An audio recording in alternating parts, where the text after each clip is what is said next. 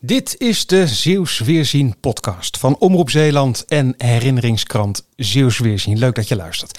En ik heb een oude krantenbaas bij me, Frans van der Velde. Goedemorgen. Wat doe jij bij Zeeuws Weerzien? Uh, ik heb uh, de eer om daar voorzitter van het bestuur te zijn.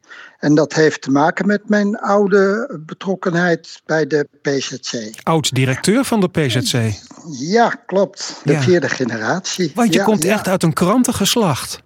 Ja, uit van de Vlissingse Courant. Mijn familie zat erin vanaf 1882, als ik het goed heb. Ga naar jouw foto. En die gaat natuurlijk ook over de krant.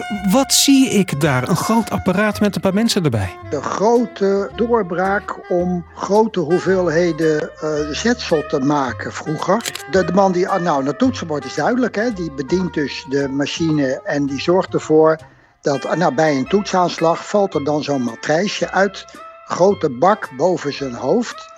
Uh, en die vielen dan in een vorm, zodat ze allemaal achter elkaar uh, kwamen te zitten. Dus eigenlijk maakte hij een regel zoals we dat tegenwoordig ja, op het toetsenbord doen? Ja, een, uh, een matrijs is een metalen vorm en daar zat dan een teken in geperst, zeg maar gegraveerd. En als je die, die matrijzen allemaal naast elkaar zet, zodat het woorden en regels worden, en je laat daar vloeibaar lood in lopen, dan krijg je een regel. Je kent de, uh, nog wel de, de zetkasten. Hmm. Er zaten losse uh, letters in. Maar zo'n letter kon je natuurlijk in het drukwerk maar één keer gebruiken. En de truc van dit ding was, die matrijsjes die gingen na het gieten van de regel weer naar de, hun plekje in het grote magazijn bovenin die machine. Dus de letters werden hergebruikt? Ja, zeker, zeker. Dus dat lood, als de, de krant eenmaal uh, gedrukt was, ja, dan uh, werd dat lood allemaal omgesmolten. En dat ging weer in die uh, grote, ja, bloedhete machines natuurlijk. Dus uiterst ingenieus. Ik ben in, in 1978 in het bedrijf gekomen.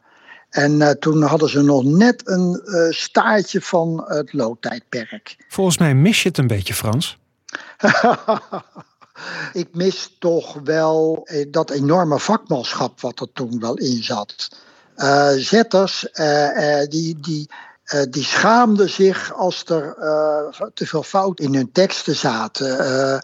fouten in advertenties, dat vonden ze afschuwelijk. Dat, dat moest voorkomen worden. Er was natuurlijk ook de tijd voor om daar veel aandacht aan te besteden. Er is nu natuurlijk veel minder tijd om een product te maken, omdat het anders gewoon te duur zou zijn. Een bijzondere herinnering aan het maken van nou. de krant in vroege tijden. Dankjewel, Frans van der Velde. Jouw foto is ook te zien op zeeuwsweerzien.nl.